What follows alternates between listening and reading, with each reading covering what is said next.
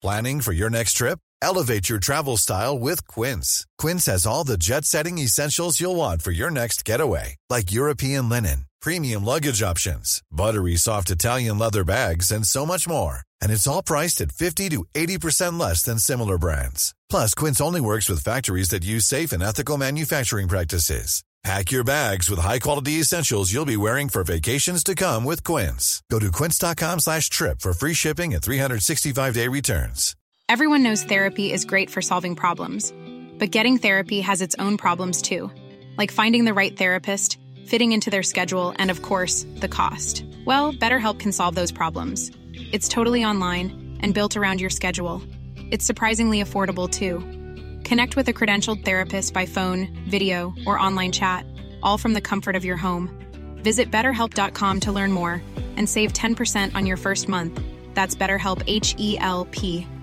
A lot can happen in the next three years. Like a chatbot may be your new best friend. But what won't change? Needing health insurance. United Healthcare Tri Term Medical Plans are available for these changing times. Underwritten by Golden Rule Insurance Company, they offer budget friendly, flexible coverage for people who are in between jobs or missed open enrollment. The plans last nearly three years in some states, with access to a nationwide network of doctors and hospitals. So, for whatever tomorrow brings, United Healthcare Tri Term Medical Plans may be for you. Learn more at uh1.com.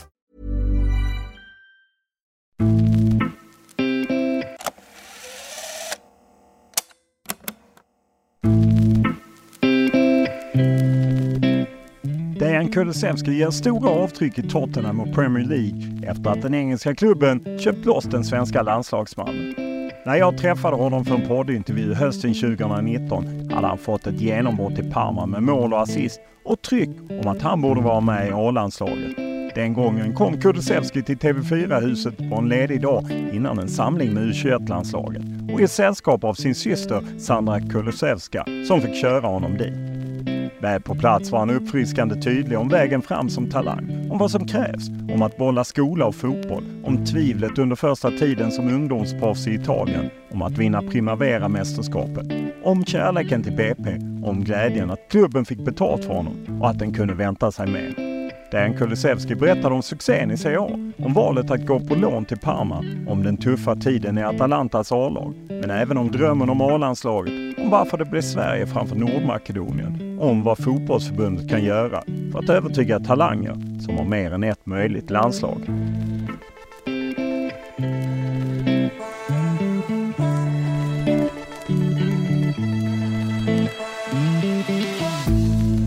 Kulusevski. Ja, tar på en eh, isländsk spelare och in. Och Dejan Kulusevski målskytt. 3-0 Sverige.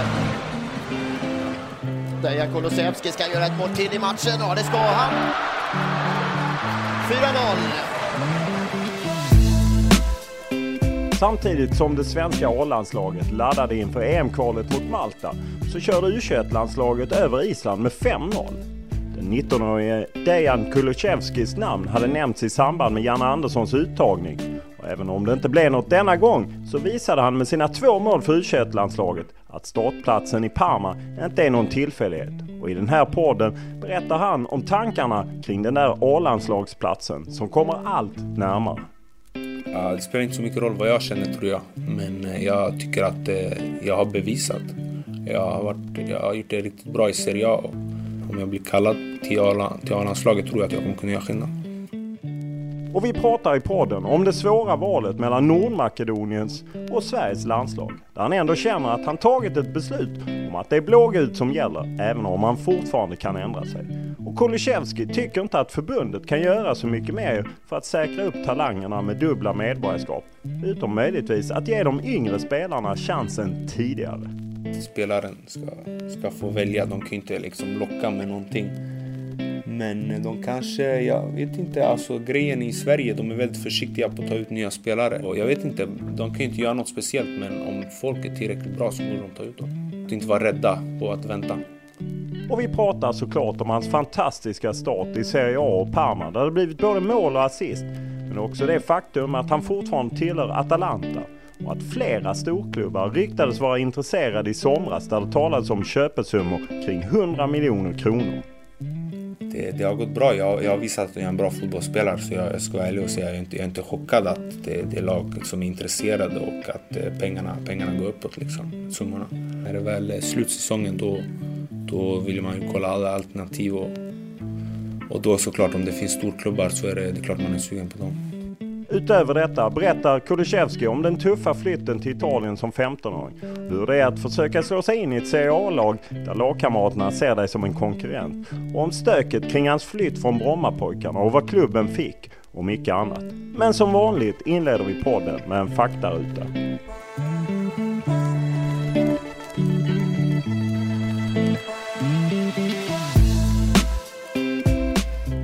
Ålder? Eh, 19 år gammal. Bor? I Italien. Familj? Familj eh, eh, pappa Stefan, mamma Katica och syster Sandra. Utbildning? Eh, utbildning, jag gick eh, i skolan tills jag var... Jag, gick, jag har gått 15 år här i Sverige och så gick jag två år i, i Italien i skolan. Lön? Lön? Ja. Det är hemligt. Bil? En bil, ingen körkort än. Hobby? Hobby, basket. Språk? Språk, svenska, makedonska, engelska, italienska och jag har pluggat fyra år tyska. Vem är för dig världens bästa fotbollsspelare? Messi. Vad uppskattar du mest hos en bra spelare? Eh, jag gillar kanske te tekniken självklart. Vilket är ditt favoritlag och varför? Mitt favoritlag är eh, Arsenal. För att eh, jag gillar allt med klubben. Jag gillar stadion, jag gillar spelarna och jag gillar på sättet de spelar fotboll på. Vilken är din största upplevelse när det handlar om fotboll? Mitt första mål i Serie A som kom för någon vecka sedan. Vilken är din största merit som fotbollsspelare? Vad har du vunnit? Eh, jag vann eh, U19, U19-serien förra året som ganska stort i Italien. Det var stort. Vilken regel hade du velat ändra på i fotboll? Var. Vill du ta bort allt? Ja, exakt. Eh, vad hör du mest på planen när de vill psyka dig? Ja, vadå? När de vill psyka dig? Trash talk. Vad säger de till dig? Ja, de säger faktiskt inte så mycket alltså. Vem är den bästa spelare du spelat med? Eh, jag väljer att säga Josip Ilic. Vem är den bästa spelare du mött? Eh, jag tycker... Jag mötte Juventus och de har mycket bra spelare och Ronaldo självklart men jag tyckte att det kändes som Douglas Costa var en helt annan nivå från alla andra på planen. Vad har du tränat mest på i din karriär? Eh, bollkontroll. Vilken egenskap kan du bli avundsjuk på om du ser en antingen medspelare eller motspelare som du hade velat ha?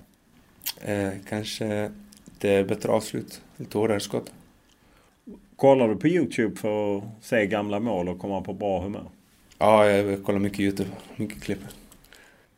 Vilket uttryck använder du för mycket? Jag vet inte. eh, vad menar du på planen? Nej, egentligen när du snackar. Vad, finns det något du säger för mycket? Abo. Vad betyder det? Det betyder när, när någonting händer som du inte liksom var beredd på att skulle hända. Så blir det mycket abo. Vilken är din dyraste pryl? Mm. En uh, Rolex-klocka. Vad var du bäst på i skolan om vi tar bort uh, gymnastiken? Jag var på engelska. Vad gör dig rädd? Ingenting som jag kan komma på. När var du lycklig senast? Idag. Jag vaknade upp med min familj. Vilken var din tuffaste kris? Tuffaste kris? Eh, måste vara, måste säga förra året. Förra året när jag gjorde... När jag spelade i Atalanta. A-laget och eh, jag hade det tufft de första matcherna. Det var, då, då, var, då, var jag, då mådde jag inte så bra. Vilket köp ångrar du? Ingen, inget speciellt. Ångrar ingenting.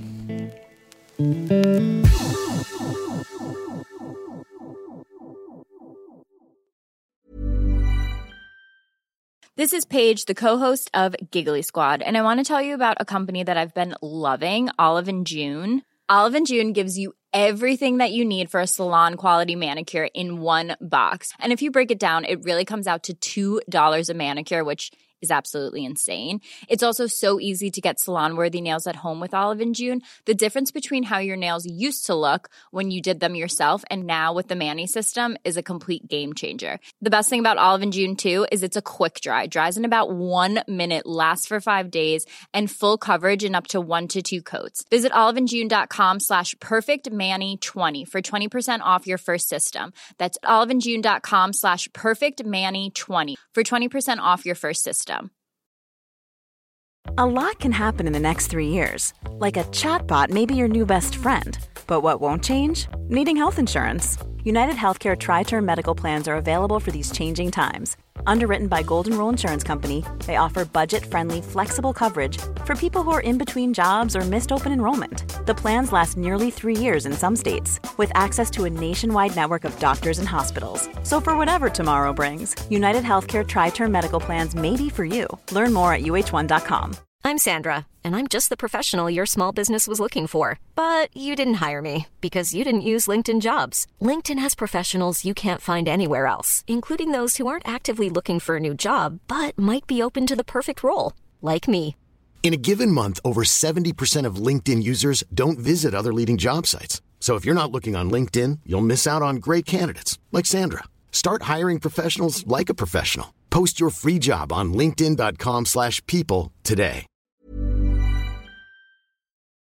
Gervinho for the opener, and it's tucked in by Kulusevski.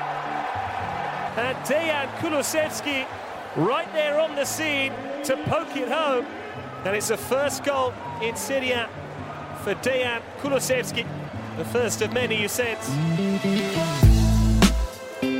Det var nog få i Sverige som hade någon större koll på talangen Dejan Kulusevski innan han började producera poäng för Parma under den här hösten. Han försvann från svensk fotboll redan som 15-åring då han flyttade från BP till Atalantas akademi. Och även om han gjort avtryck i den italienska juniorfotbollen så kunde han inte riktigt slå sig in i Atalantas A-lag. Trots att det fanns gott om intressenter under sommaren så ville dock inte Bergamo-klubben sälja. Så lösningen blev en utlåning till Parma, där han fått starta samtliga matcher hittills. Och med ett mål och tre assist så lär knappast omvärldens intresse svalna. Ja, det är ju ett häftigt genombrott du fått i, i Parma. Gjort eh, sju matcher, ett mål, tre assist. Vad är din känsla? Eh, känslan den är normalt. Jag har fått mycket speltid. Jag har varit glad över att spela. Jag har, eh, har visat att jag håller, håller på den här nivån och det är bara att fortsätta så här. Hur är det när man eh, plötsligt, det blir mycket rubriker, mycket tidningar, får oerhört mycket beröm. Hur, hur hanterar du det? Ja, jag, jag bryr mig inte så mycket faktiskt om jag ska vara helt ärlig. För att eh, ibland så skriver de dåliga grejer och ibland skriver de bra grejer. Så, så det spelar ingen roll för mig. Jag, jag vet liksom jag vet tillräckligt om mig själv och allting så jag behöver inte läsa så mycket som det står. När man eh, rakar in sitt första Serie A-mål mot Torino som du gjorde nu nyligen. Hur känns det då? Ja, det, det var jätte, jätteskönt att göra mål. För att, eh, så jag kan sluta tänka på det första målet. Det första målet är oftast det jobbigaste. Och sen nu när jag sett att en boll har gått in så, så kommer det bli mycket enklare att fortsätta här.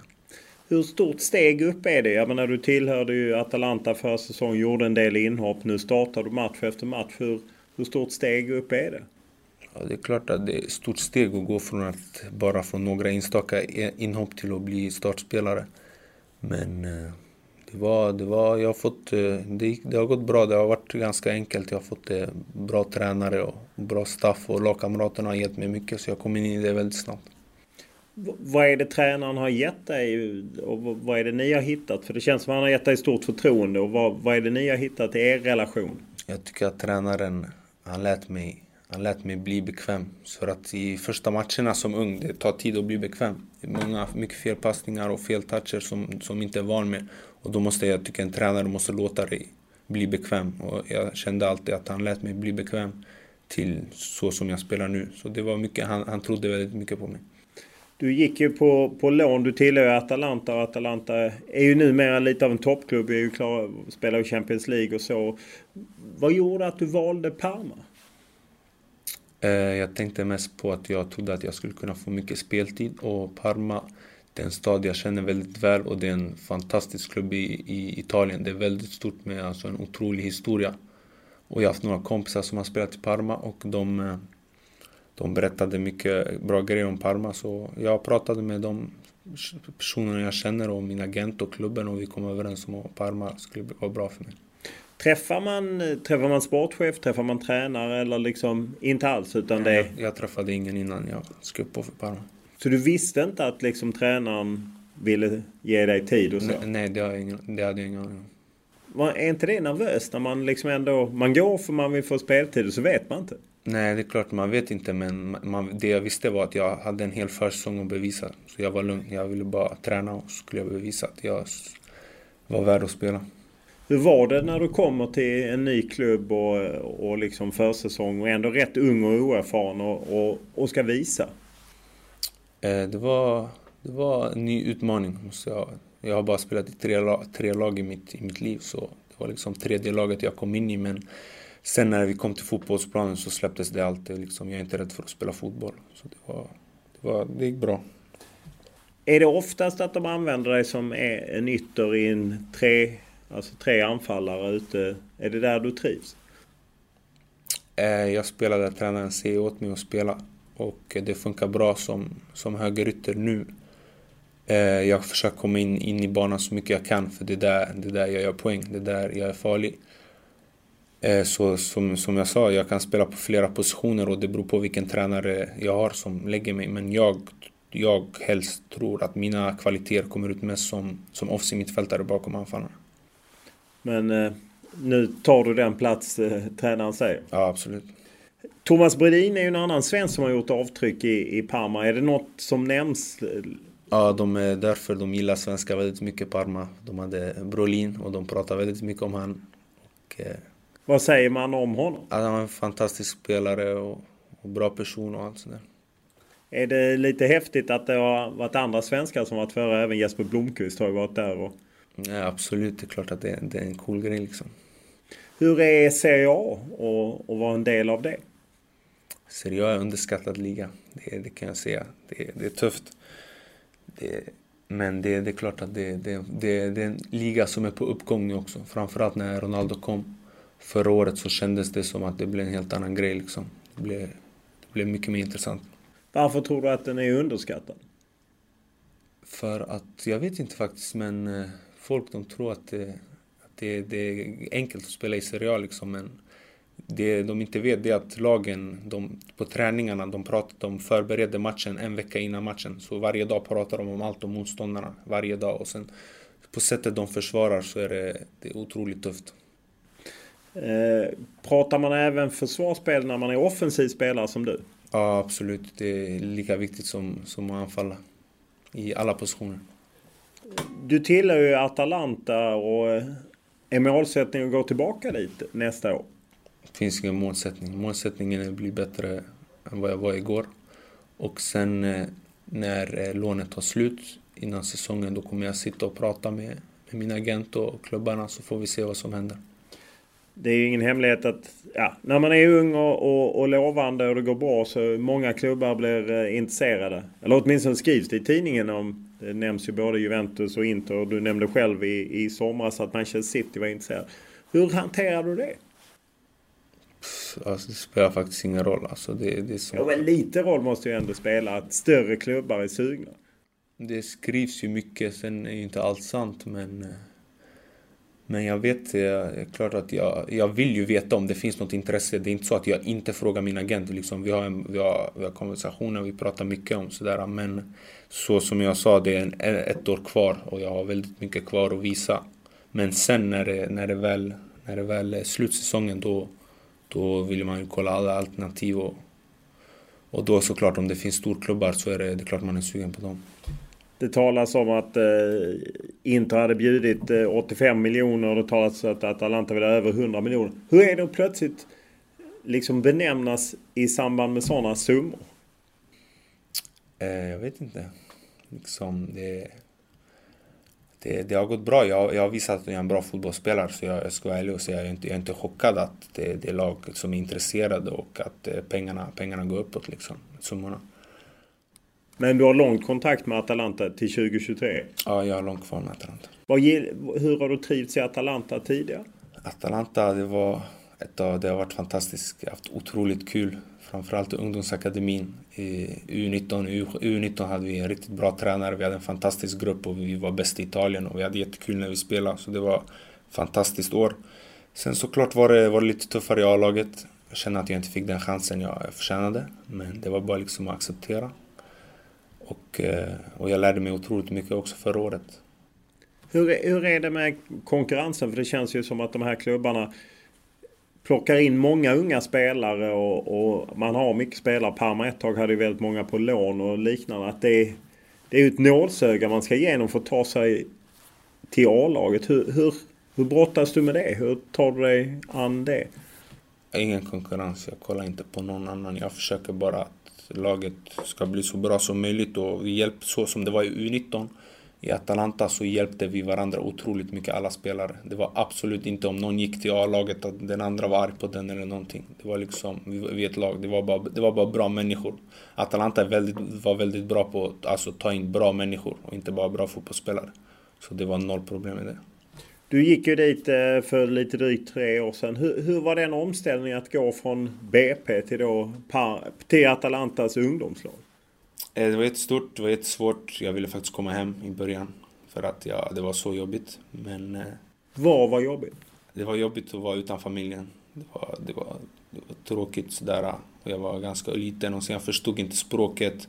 Jag var tvungen att gå i skolan. Det var hur svårt som helst att gå i skolan när du inte kan språket. Men, men jag visste att det, det skulle vara värt att stanna. Och så, så hur, blev det bättre. Hur, om du ville åka hem, hur hanterade du det? Hur såg du till att du stannade?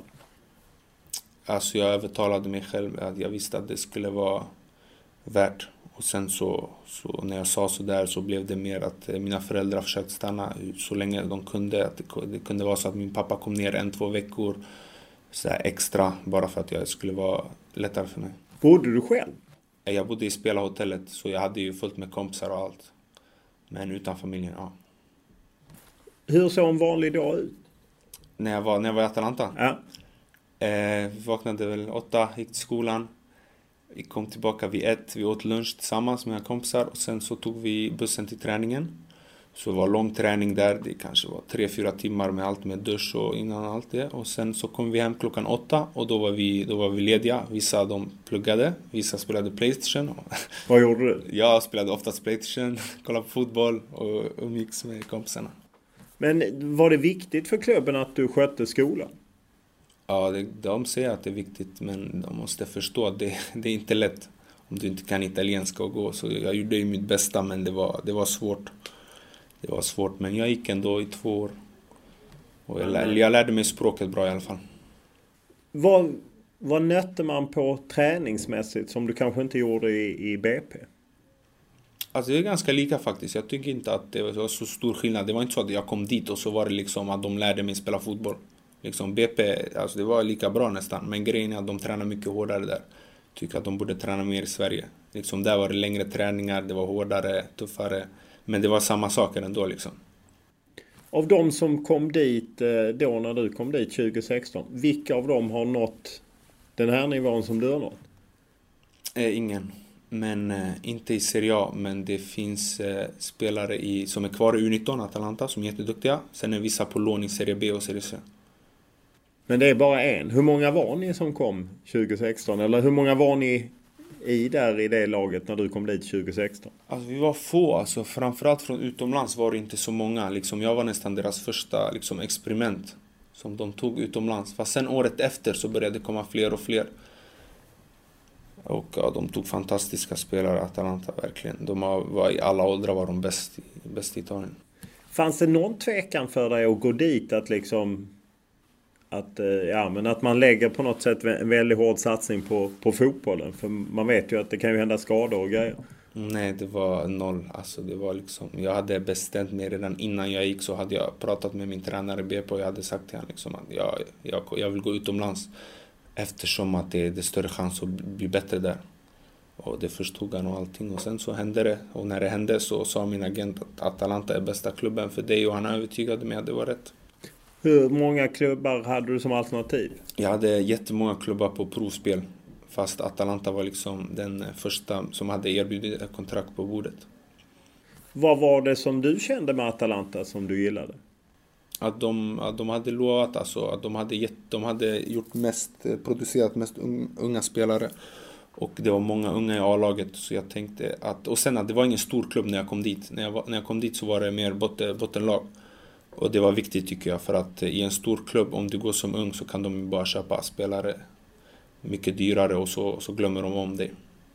Har du haft, eh, det finns ju en annan svensk, Glenn Strömberg som ju bor i Bergamo och tajt koppling till klubben och så. Vilken kontakt har du haft med honom? Ja, jag har pratat med honom några gånger. Han är jättestor i, i, i Atalanta och i Bergamo i klubben och de pratar väldigt mycket om honom och de sa till mig alltid att han var en krigare på plan och han var, jag tror han kanske var kapten någon gång. Så Ja, det var han. Ja, precis. Vad hade han för råd till dig? Inget, det var bara kämpa och lära mig italienska så jag kunde kommunicera med dem för de uppskattade det väldigt mycket och sånt.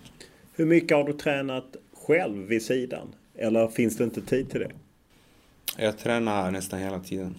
Alltså, men det är inte bara liksom, alltså nu när jag kommit till Sverige och är ledig två, tre dagar så går jag och spelar fotboll. Men det är inte bara för att träna, det är mer för att umgås. Fast på samtidigt så tränar du för att spela fotboll.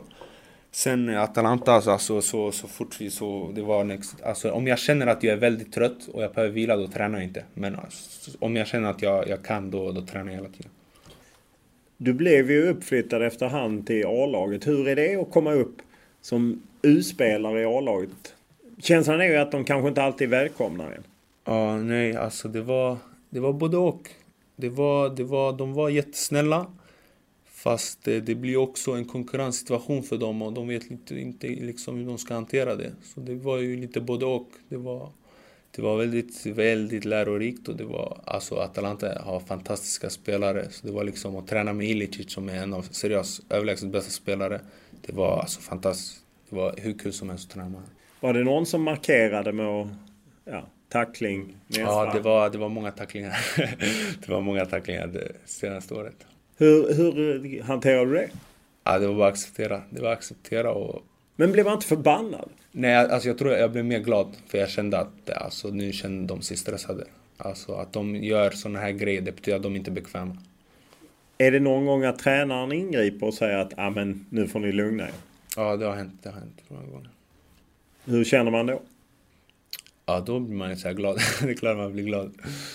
Du satt ju länge på bänken men på något sätt var det ju som att eh, debuten dröjde ju. Du, det känns som du satt på bänken i ett år av och till. Hur var det? Det var tufft. Det är klart att det var jättetufft för man tyckte så här, förtjänar att spela. Träningen gick ju hur bra som helst och man dominerade U19.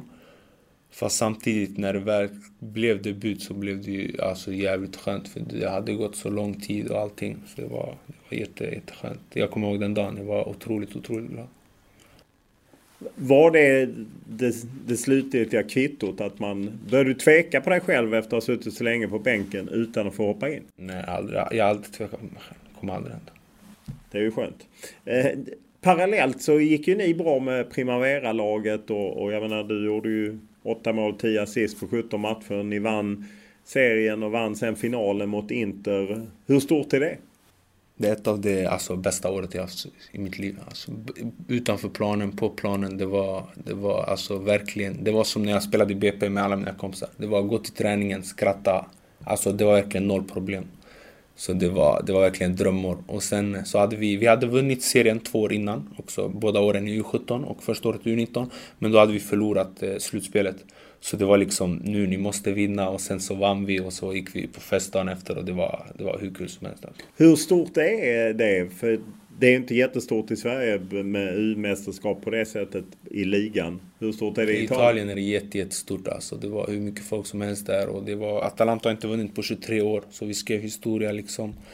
Det var, vi, vi behandlades väldigt väl efter det också. Ni slog Inter 1-0. Du stod för assisten och blev matchens lirare också. Mm det var det, det bästa av allt, eller det, det, roligaste av allt var det var en av våra sämsta matcher på året. Alltså det var, och ändå vann vi det, men det gjorde bara det skönare. Och sen det är klart att assisten, det var, det var så det skulle sluta. Det var redan skrivet att Att sen att min kompis gjorde mål 85, det var, det var fantastiskt. Vad känner du att du har utvecklat i Italien under de här tre åren? Eh, fysiken. Jag, jag har tränat så hårt så att jag, jag, blir inte, jag blir inte så lätt trött. Jag har lärt mig att spela på alla positioner och sen den största skillnaden är mitt försvarsspel. Att förut såg jag, sågs jag som att eh, min, eh, min svaghet var mitt försvarsspel. Men nu kollar de på mig som att min försvars, min försvarsspel är min styrka. Så det är klart att det är en otrolig skillnad. Och det gör Italien. Och framförallt Parma. Så Det här året har jag tagit ett otroligt steg i mitt försvarsspel. Pressspel och sånt. Kan du förklara hur de lär dig det? Ja, de skriker. de skriker hela dagarna och eh, de är verkligen tydliga med om du inte försvarar, då kommer du inte spela. Är det inte, kan det vara tråkigt med den typen av träningar när de visar så här ska man göra? Eller inser man att ah, det här är bra för mig? Alltså, I början var det liksom, det var jättetråkigt för du vill bli bättre på andra grejer och du vill liksom, det var något nytt. Så där, I U19 Atalanta, vi tränade ju aldrig på att försvara. Vi hade bollen hela tiden i alla matcher. Och så det blir så jobbigt, man bara, men det är jobbiga träningar och såna här grejer. Men sen, sen när du känner att nej men det här, det här är viktigt och det hjälper mig, då tog man det mer seriöst. Hur eh, noga är de med kost och sömn? Eh, det, det, är mer att spelarna har eget ansvar. Och det är väldigt olika med alla spelare. Liksom, det finns Bruno Alves i mitt lag har så här otrolig diet. Han äter bara typ så här jättekonstig diet. Och sen finns det folk som äter vad de vill. Och jag är en av dem som just nu äter jag nästan vad jag vill. Jag har ingen koll på liksom, dieten. Sömnen kan såklart bli bättre. Det är sådana grejer man får lära sig med åldern. Men nu bor du själv i egen lägenhet? Ja, nu bor jag själv. Mycket Playstation helt enkelt? Det är mycket Playstation, det är mycket kompisar som hälsar på. Eh, jag har blivit bättre på att laga mat, så det, ändå, det går framåt.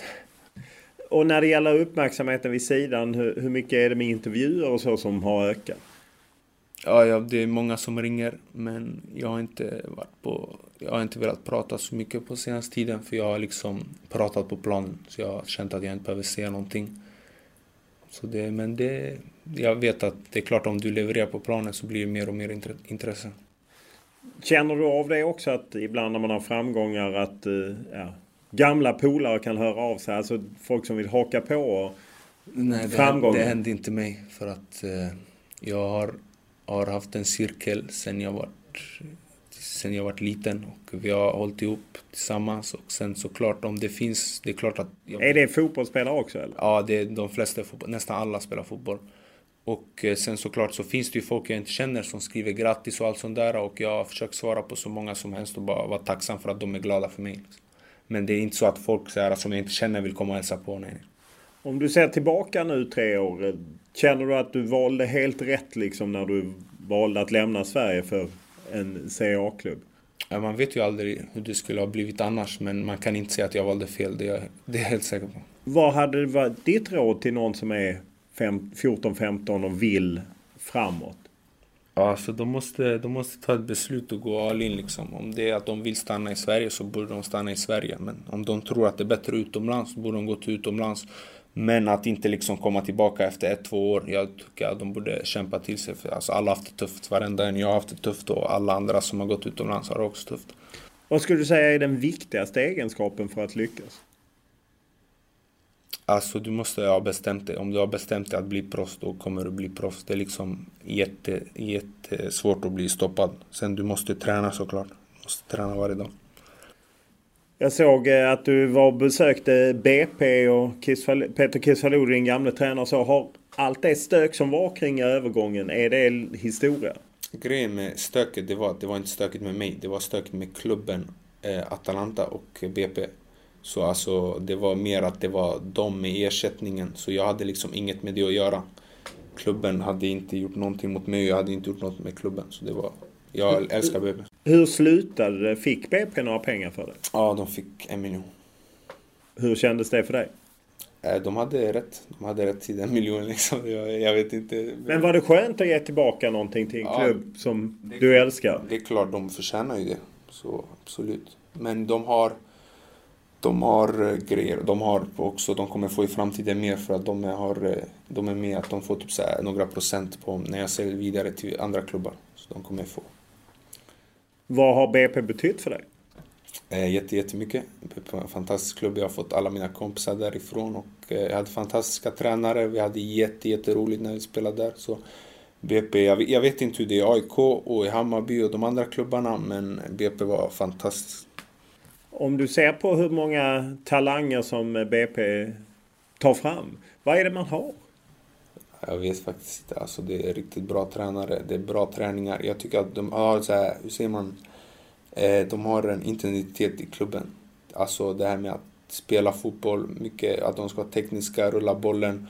Och det har kommit otroligt skickliga fotbollsspelare där. Men som inte har kommit till toppnivån. Och jag vet inte varför, men det kanske har något med att försöka lämna utomlands när du är 15-16 som kanske skulle hjälpa dig. Samtidigt om man ser på A-landslaget idag så jag menar Albin Ekdal, Ludvig Augustinsson, Kristoffer Nordfeldt, John Guidetti. Plötsligt är det ju rätt många BP-spelare. Bahoui har ju varit med tidigare. Ja, nej, det, alltså de gör ju, det är klart att de gör någonting väldigt, väldigt rätt. Men det kan nog bli fler i framtiden hoppas jag. Hur ser du på att de är på väg ut ur Superettan? De, det är ett riktigt jojo-lag från division 1 till Allsvenskan och nu verkar de på väg ner igen. Ja, det är ju inte okej. Det är något som inte stämmer om det händer något sånt. Men sen också handlar... De har inte så bra ekonomi så spelarna vill ju inte stanna i de unga åldrarna. Så det, det är svårt. Det är inte lätt. Ja, ja, det är såklart alltså. Om alla spelare lämnar när de är unga. Jag har en kollega här, eh, Hasse Backe, gammal eh, tränare som jobbat eh, mycket både som förbundskapten och klubblagstränare. Han sa nu i veckan att när vi pratar EM 2020 så tyckte han det var jätteläge att plocka med dig i, i A-landslagstruppen och påpekade fysik, speluppfattning, passningar och briljant vänsterfot och, och liknande. Vad känner du själv när du tänker A-landslag? Det är det man har tränat för liksom. Det, det är det man har drömt om och alla, alla har drömt om att spela i landslaget och sen spela i A-landslaget. Det är liksom, det är det högsta. Så det, det är där man vill vara. Och det känns som att jag är nära nu. Vad har du hört från Peter Wettergren och Janne Andersson? Jag har inte hört någonting. Men du vet att de var i, någon av dem var på plats och kollade? Jag har ingen aning. Antagligen för att de tog ut min lagkamrat Gagliolo. Så de var ju antagligen och kollade. Vad är din bild av Gagliolo? Nej, han är riktigt bra. Han är mycket bra på, eh, på att försvara och han är, han är bra på, på att kämpa och göra... Alltså han, han gör väldigt jobbigt för motståndaren. Han är så här expert, riktigt italiensk eh, vänsterback, mittback sådär. Hur är hans svenska? Hans svenska, den är sådär. Han, han försöker prata med mig och det är för att eh, vi pratar på svenska så att han ska, ska bli bättre. Men men man kan lära sig ganska snabbt faktiskt. Eh, samtidigt så gick ju eh, Nordmakedoniens förbundskapten eh, Igor Angelovski ut och sa att du hade tackat nej igen till landslaget där. Mm. Hur resonerar du kring det? Om jag skulle kunna spela för två landslag skulle jag göra det. Men tyvärr så kan jag inte det. Och jag blev erbjuden att spela i Makedoniens A-landslag en plats när jag var 15. När jag var 16, 15 eller 16. Och såklart för en 16-åring var det liksom wow. Det var så EM-kval mot Italien och allting. Fast jag, jag känner att jag är mer svensk och jag har drömmar om att spela med mina kompisar i A-landslaget. Så... Vilka är dina kompisar? Ja, det finns. Det kommer. Det kommer komma i framtiden. Men hur svårt är det? Att, att ta det, för jag menar å ena sidan lockad och, och jag menar det är ju inte konstigt. Du har rötterna på något sätt i bägge landslagen. Nej, det är klart att det är jätte, jättesvårt för man vill ju inte välja bort någon. Liksom. Och, och Makedonien, de har ett väldigt bra lag på gång också. De har jättestora talanger. Så det var otroligt svårt. Och tränaren var jätte, jättebra. Så. Men det, det är sådana val man måste göra i livet. Du fick även en, eh, en signerad tröja av Goran Pandev. Hur, hur, och han ringde dig gissar jag, så som det brukar gå till. Hur, hur hanterar man det? Alltså det, det är små grejer liksom. Det är klart att eh, jag förstår han, men han är en fantastisk person. Och Goran Pande var jättestor i, i mitt hus när, när vi växte upp, för det var den enda makedonska stora spelaren. Så när jag pratade med han, det var liksom, jag sa till honom, jag bara du är jätte, jättestor alltså för oss, för min familj sådär. Och han var hur snäll som helst och han sa inte liksom kom och spela med oss. Han sa bara att göra, göra det, det som, du, som du tycker är bäst för dig. Vad säger dina föräldrar? Vad har, eller lämnar de det till dig? De lämnar allt till mig. Det är klart att eh, de, de, de vet att det är jag som spelar fotboll och det är jag, det är jag som väljer. Och eh, de valde, de lämnar allt till mig. Har du hört någonting av det svenska förbundet under den här tiden? Jag menar, du har ju, du har ju spelat några P16-landskamper för Nordmakedonien men samtidigt gjort ett gäng landskamper på U-nivå upp till U21 för Sverige. Har du haft något snack med det svenska förbundet om det här och svårigheten att välja? Nej, det var jag ett snack med Klasse. Claes Eriksson Exakt. på förbundet? Ja, och han ville bara liksom veta allt hur jag känner och, eh, och allt det här. Och om jag vill spela för Sverige eller sådär. Och jag berättade för honom att jag, jag har valt Sverige. För svenska förbundet får ju ganska ofta kritik och har ju en del spelare har valt andra landslag, Saman Ghoddos och liknande. Vad, vad, skulle ditt råd vara till det svenska fotbollförbundet när man har spelare som väljer? Alltså de kan inte göra så mycket mer. Alltså, jag tycker att spelaren ska, ska få välja. De kan inte liksom locka med någonting. Men de kanske, jag vet inte, alltså grejen i Sverige, de är väldigt försiktiga på att ta ut spelare. Eh, ta ut nya spelare och det var ju kanske därför så här, Sead gick bytte för att de kommer uh, Haksabanovic. Ja, Haksabanovic kommer till, till A-landslaget snabbare där. Så jag vet inte, de kan ju inte göra något speciellt men om folk är tillräckligt bra så borde de ta ut dem. Tidigare helt enkelt? Ja, exakt. Inte vara rädda på att vänta. Ha, hade du känt att du skulle vara med här mot Malta och Spanien? Eh, jag vet inte vad... Det spelar inte så mycket roll vad jag känner tror jag. Men eh, jag tycker att eh, jag har bevisat.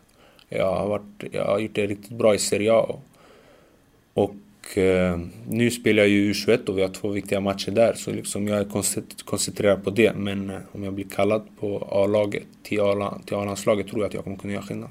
Det lät på förbundskapten Roland Nilsson när jag pratade med honom i samband med uttagningen att, att det hade varit nära. Att han var, men han var väldigt nöjd över att få behålla dig i, i, i laget. Om du ser på A-landslaget, vilken... Är du en av två anfallare eller är du mer någon som ligger bakom? Eller var placerar du in dig? Om du får välja. Ja, det är det som är också frågan. Som liksom, det beror på helt på hur Janne ser på det. Men eh, Alltså det beror på motstånd också. Jag kan spela som du sa som de två anfallarna och så kan jag spela som högerytter som kommer in på plan mycket. Så det, det är 4-4-2. Så de har inte min position, de har inte tia. Nej, för du är mer tia. Exakt, de har inte den positionen. Men som sagt, jag kan spela på ytterkant och anfallare. Vad har du känt när du har sett landslaget de senaste åren? VM 2018 och så? Eh, de gjorde ju ett fantastiskt resultat senast. De gjorde jättebra. De, har gjort ett, de håller på att göra det ganska bra i kvalet nu. Och eh, det känns som att eh, de har, de har något nytt på gång ändå, liksom med Quaison och Alex Isak. Det, det är på uppgång och det finns flera bra spelare i U21 så jag tror att Sverige har en väldigt ljus framtid framför sig. Just U21-landslaget, eh, ni gick ju på en smäll mot Irland. Vad, vad talar på att ni ska ta ett till EM som det var både 2015 och 2017? Eh, det, vi får se nu. Vi har samling och det gäller att vinna båda matcherna. Eh, mot Irland var det väldigt dåligt. Vi fick inte alls till vårt spel. Det var jättedålig plan. Och vi spelade till Irlands styrkor. Det, det, kan vi inte göra. Vi måste vara, vara mycket lugnare med bollen och spela, spela ett spel. Vi kan inte börja spela som motståndarna. När du har vuxit upp och siktat, vilka spelare har du haft som dina förebilder? Alltså min syster älskade Ronaldinho. Så det var mycket show liksom. Det var mycket tricks, det var mycket dribbla sånt. Så Ronaldinho, Kaká och de där var ju jättestora. Fast sen när jag blev liksom, när jag började tänka själv och kolla så Hazard tog över helt. Hazard, det var så här bättre än film. När, det, när Hazard spelar då, det, det är bara att sitta på soffan och njuta. Jag tycker han är, alltså efter Messi är han, är han världens bästa spelare tycker jag. Vilka svenska spelare har du gillat? Ja, det är omöjligt att inte säga Zlatan. Jag kollar fortfarande på hans matcher. Jag kollade på hans match igår. Eh, såklart, han har, han har förändrat hela Sverige. Det, det Zlatan har gjort, det, det förtjänar mer respekt tycker jag. För att han är så pass stor som han är i Italien och i hela världen, i Europa. Det, det han har gjort är helt fantastiskt. Känner man av det fortfarande idag när man spelar i Serie A, att han, han har gjort avtryck? Han är störst liksom. Det, alla vet vem Zlatan är och alla vet vad Zlatan har gjort. Och jag skulle verkligen, det skulle vara väldigt stort för mig någon gång om jag skulle kunna träffa honom. Du har aldrig träffat honom? Nej. Kanske vill spela med honom? Gå Ja. till LA eller något liknande? Precis. Ja, oerhört spännande. Stort tack för att du tog dig tid för detta. Det ska bli spännande att följa dig framöver. Tack så mycket.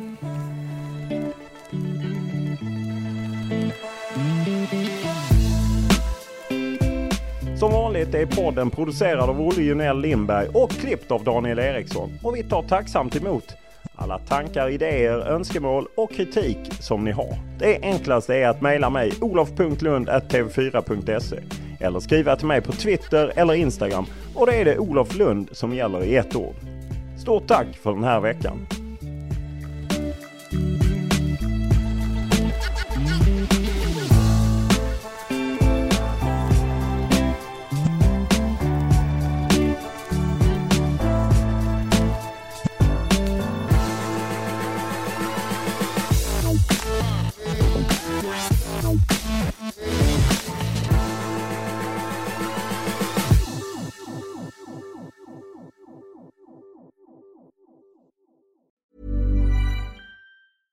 Mom deserves the best, and there's no better place to shop for Mother's Day than Whole Foods Market. They're your destination for unbeatable savings, from premium gifts to show-stopping flowers and irresistible desserts. Start by saving 33% with Prime on all body care and candles. Then get a 15-stem bunch of tulips for just $9.99 each with Prime. Round out Mom's menu with festive rosé, irresistible berry chantilly cake, and more special treats. Come celebrate Mother's Day at Whole Foods Market.